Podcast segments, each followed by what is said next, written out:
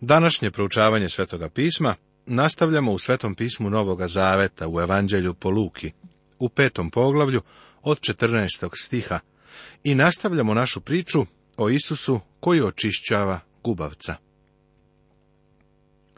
A onda jednoga dana došao gospod Isus Hristos. Gubavac je izjavio, ako hoćeš, možeš me isceliti.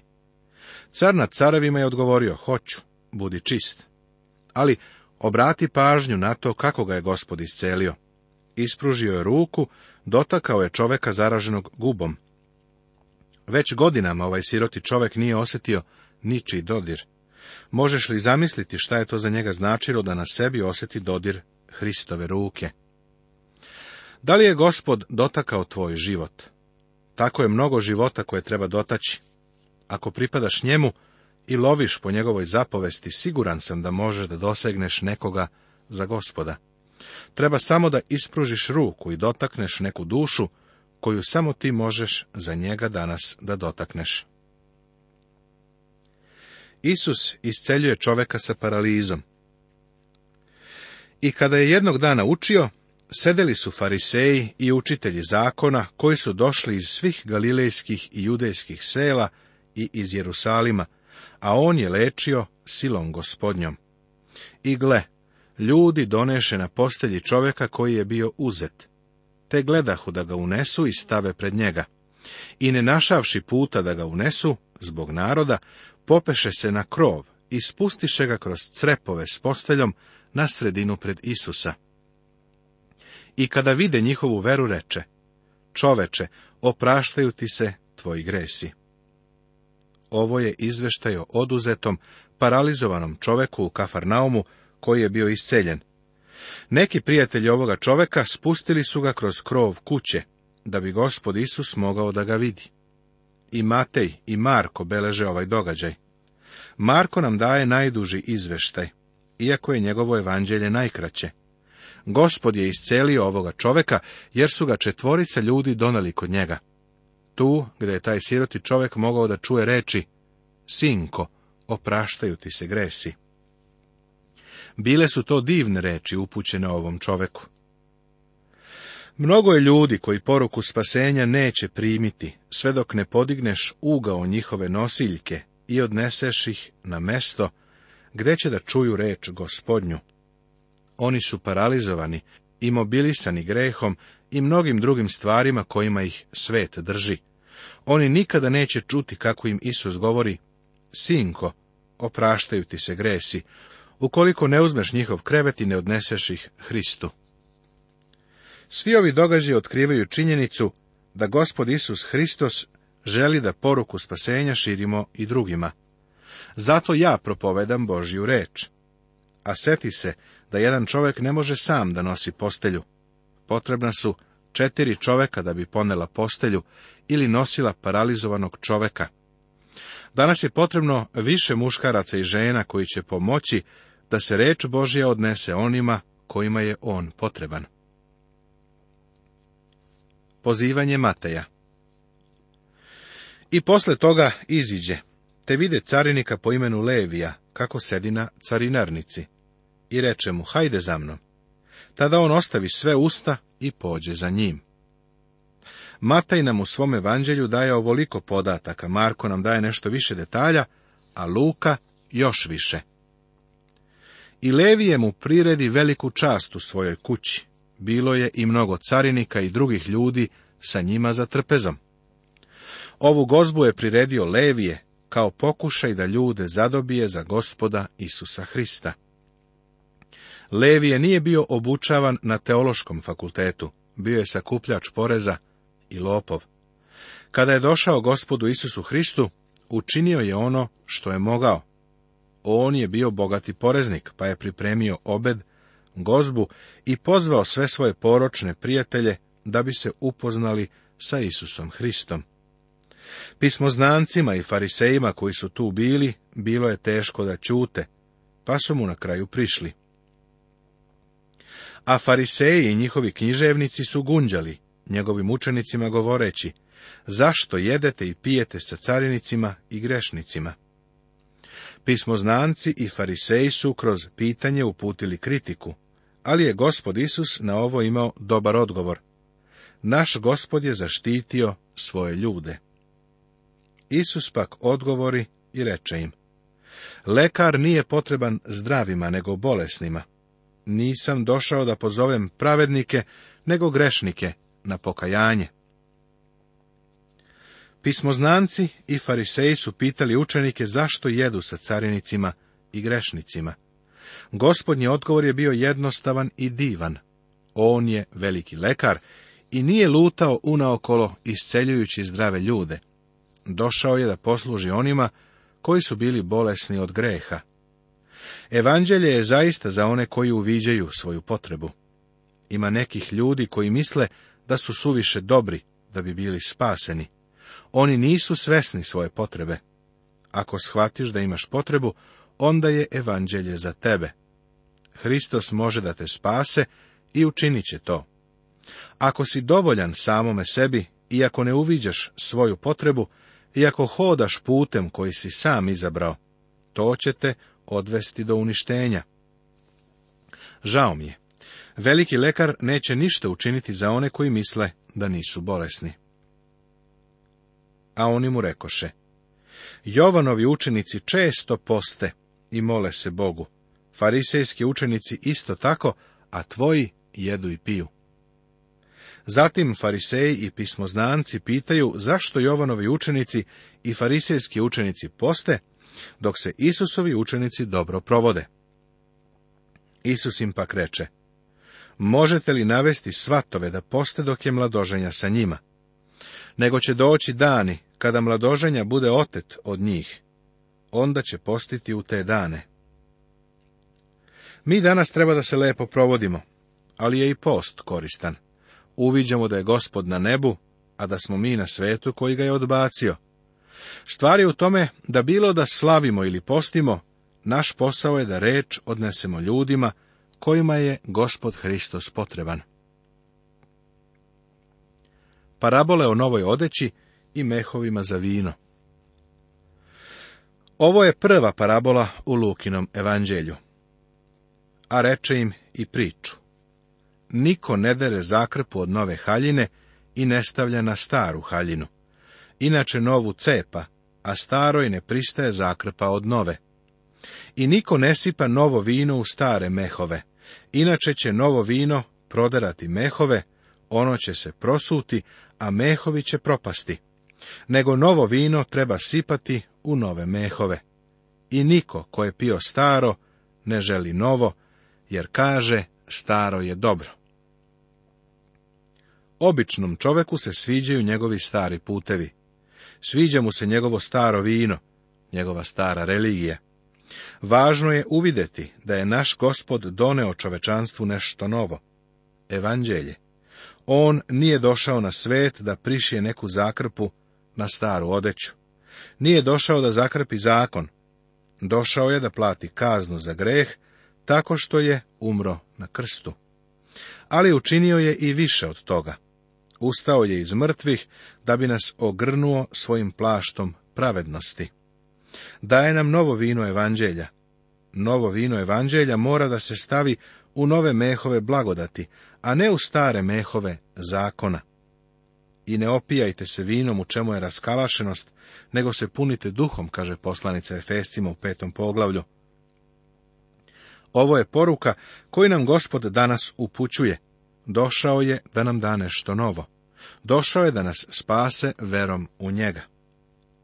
Celo ovo poglavlje usmereno je u tom pravcu. A to je namera da se predstavi slavno evanđelje gospoda Isusa Hrista, na što je moguće više načina, da bi ga ljudi mogli čuti i imati priliku za izbor, da Hrista prime ili odbace. Svako od nas mora samostalno da donese ovu odluku.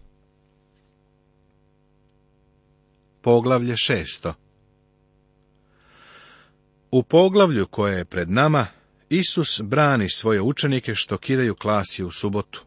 Isceljuje paralizovanog čoveka u subotu, bira dvanaest učenika i daje propoved na javnom mestu. Pitanje subote Prvi deo ovog poglavlja je skoro ponavljanje drugih sinoptičkih evanđelja počinje Hristovim delovanjem u subotnjem danu. Prvi događaj se zbio u polju u subotu. Dogodilo se da je jedne subote prolazio kroz useve, a njegovi učenici su kidali klasje, trli ga rukama i jeli. A neki od fariseja rekoše, zašto radite ono što se ne sme činiti subotom? Isus pak odgovori i reče im, zar niste čitali ni to što je učinio David, kada je ogladneo on i njegovo društvo. Kako je ušao u dom Božiji, uzeo postavljene hlebove, koje su smeli da jedu samo sveštenici, jeo i dao svojim drugovima. I reče im, sin čovečiji je gospodar i subote. Dok su učenici kidali klasje i trljali u rukama, fariseji su ih optužili što to rade u subotu. Oni naravno nisu kršili Mojsijev zakon, jer je on ljudima dozvoljavao da čupaju useve. Vidi petu Mojsijevu, 23. poglavlje. Da su useve kidali ili sekli srpom, to bi bila žetva. Ali fariseji su imali sobstveno tumačenje, pa su ovaj postupak protumačili kao kršenje zakona. Gospod nije insistirao na tome da nisu prekršili subotu. Odbio je da o ovome raspravlja sa njima naveo im je stari događaj iz Davidovog života, kada je David više nego očigledno bio prekršio Mojsijev zakon i zato bio opravdan. Poenta svega toga je bila da slovo zakona ne sme da se nameće i natura kada donosi teškoću Božim slugama. Očigledno je bilo da su učenici bili gladni. Nešto ih je koštalo to što su sledili Isusa. Zatim imamo događaj u sinagogi u subotu. A jedne druge subote je ušao u sinagogu i učio. Bio je onda i jedan čovek, čija je desna ruka bila suva. A književnici i fariseji su motrili na njega, hoće li lečiti u subotu, da bi našli optužbu protiv njega. On je pak znao njihove misli, te reče čoveku sa suvom rukom, ustani i stani na sredinu i ustavši stade. A Isus im reče, pitam vas, smeli se subotom dobro činiti ili zlo, spasti život ili upropastiti? I pogleda ih sve naokolo, pa mu reče, pruži svoju ruku. A on učini tako, te njegova ruka posta opet zdrava. Oni se pak izbezumiše i dogovarahu se među sobom šta bi mogli da učine Isusu. Tamo je bio postavljen čovjek sa suvom rukom, budi siguran u to. Čineći to, oni su gospodu stvarno dali divan kompliment. Verovali su da on može da ga isceli i verovali su da će ga i isceliti. Znali su da je Isus i saosećajan i silan. Vrlo tačno su ga procenili. Naš gospod je iscelio tog čoveka. Zatim su njegovi neprijatelji iskoristili tu priliku da ga optuže za kršenje subote. Matej nam kaže da su od toga dana pa nadalje kovali zaveru o njegovoj smrti. Isus bira dvanaestoricu. Kao što sam već spomenuo, neki od učenika su bili predstavljeni Isusu, odnosno upoznali su se sa njim kada je on otišao u Jerusalim. Kasnije, dok je hodao pored Galilejskog mora, on je te ljude pozvao da ga slede. Potom su se oni vratili ribarenju. On je prolazio pored njih i opet ih je pozvao. I biblijski zapis nam kaže da su oni sve ostavili i pošli za njim. Sada dolazimo do trećeg stupnja. Od neodređenog broja učenika Isus je izabrao dvanaest ljudi da budu njegovi apostoli. Tih dana izađe na goru da se pomoli i provede noć moleći se Bogu. A kada se razdanilo, pozva svoje učenike i od njih izabra dvanaestoricu, koje i apostolima nazva. Simona, koga nazva i Petrom, i njegovog brata Andreju, Jakova i Jovana, Filipa i Vartolomeja, Mateja i Tomu, Jakova, Alfejeva i Simona, koji se zove Zilot, Judu Jakovljeva i Judu Iskariotskog, koji postaje izdajnik. Zapazi da se Isus cele noći molio Bogu. Zašto? Nameravao je da izabere dvanaest ljudi za svoje apostole. Celu noć je proveo u molitvi pre nego što je doneo odluku. Jedan od tih apostola je postao njegov izdajnik, drugi ga se odrekao, ali se kasnije pokajao. Međutim, obrati pažnju na to da su Boži ljudi uvek izabrani mnogo je kandidata, budi siguran, ali razmisli o tome da Jovan u 15. poglavlju kaže niste vi izabrali mene, nego sam ja izabrao vas. Ovo je za mene bila velika uteha. Ja sam bio činovnik u banci, kada me je gospod pozvao da budem propovednik. Nikada nisam ni sanjao o tome da postanem propovednik. U stvari propovednike nisam mnogo ni cenio. Nisam ja pozvao gospoda, nego je on pozvao mene. Uvek mi je zbog toga bilo drago, jer pošto je on mene pozvao, onda je on i odgovoran. To je divno, to me teši. Gospod je smatrao da je važno i korisno da celu noć provede u molitvi pre nego što izabere dvanaest apostola. Ljudi izabrani za Božje delo moraju se birati na osnovu ozbiljne molitve. Ilin plašt nije slučajno pao na Jelisiju. Pao je na njega s namerom, s proviđenjem Božijim. U današnjim crkvama procedura je takva da se biraju ljudi koji će popuniti mesta, ali daleko od Božjih standarda. Idemo za našim osjećanjima, savjetujemo se sa ličnim, sebičnim željama. Koristimo ljudska merila umjesto Božijeg. Pre nego što donesemo naše odluke, moramo provesti vreme pred gospodom. Isus propoveda na gori. I sišavši sa njima stade na jednom ravnom mestu i mnoštvo njegovih učenika i vrlo mnogo naroda iz sve Judeje i iz Jerusalima i primorja Tirskog i Sidonskog, koji su došli da ga čuju i da se izleče od svojih bolesti i isceljivahu se i oni koje su mučili nečisti duhovi. A sav narod je tražio da ga dotakne jer je sila izlazila iz njega i sve lečila. Kao što sam već mnogo puta rekao, mnoštvo naroda je ovom prilikom bilo isceljeno. U gospodnje vreme doslovno hiljade ljudi su bile isceljivane. Nije bilo redova za isceljenje, niti doticanja, ni udaranja, ni padanja napred, ni padanja nazad. Ljudi koje je gospod iscelio ništa nisu morali da rade. Gospod ih je čak i na distanci isceljivao. Isceljenja koje je gospod činio su bila stvarna, a mi imamo izjavu lekara Luke, koji sve to potvrđuje. Ja ne verujem u iscelitelje verom, ali verujem u isceljenje verom. Prinesi svoj problem velikom lekaru.